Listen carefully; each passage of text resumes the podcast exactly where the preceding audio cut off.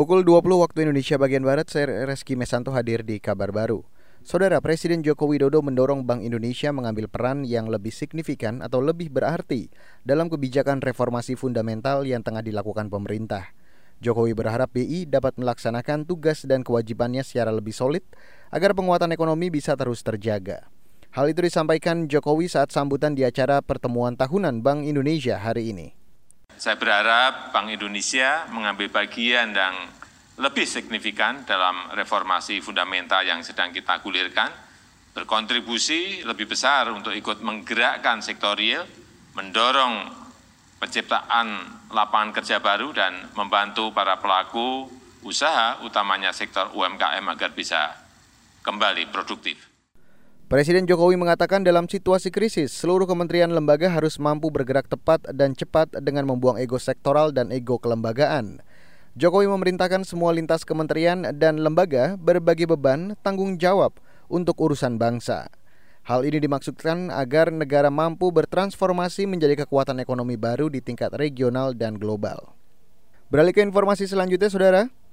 Para ahli kesehatan mendesak pemerintah segera menyiapkan infrastruktur fasilitas kesehatan tambahan perawatan untuk COVID-19.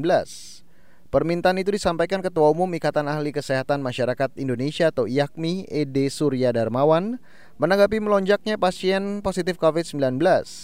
Ede mengatakan kapasitas rumah sakit pasti akan penuh jika tren kasus terus bergerak dan pasien bertambah banyak rumah sakit itu kapasitasnya terbatas gitu ya. Nah kan itulah maka pemerintah daerah terutama yang sudah jelas kasusnya meningkat terus gitu itu harus melakukan persiapan dengan mencari tempat-tempat apakah itu wisma gitu ya ataupun kerjasama dengan hotel dan lain-lain yang memungkinkan untuk dilakukan isolasi. Ketua Umum Ikatan Ahli Kesehatan Masyarakat IAKMI, Ede Surya Darmawan menuturkan, Penambahan bed atau tempat tidur di rumah sakit untuk mengatasi lonjakan pasien bukanlah solusi baik. Hal itu justru akan memperburuk perawatan terhadap pasien lain. Di sisi lain, memaksakan rumah sakit menampung beban berlebih juga akan berakibat pada memburuknya kondisi tim medis. Pada hari ini jumlah kasus baru positif COVID-19 di Indonesia kembali menembus rekor tertinggi sebanyak 8.300 kasus dalam sehari. Kasus terbanyak harian berasal dari Papua, Jawa Barat, dan DKI Jakarta. Kita ke mancanegara, saudara. Tiga bekas Presiden Amerika Serikat yaitu George W. Bush, Bill Clinton, dan Barack Obama menjadi sukarelawan percobaan vaksin virus corona COVID-19.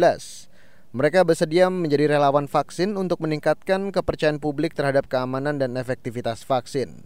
Terutama setelah Badan Pengawas Obat dan Makanan Amerika Serikat atau FDA menyetujui penggunaan vaksin Amerika Serikat berencananya mendapat kiriman perdana vaksin buatan Pfizer pada pertengahan bulan ini.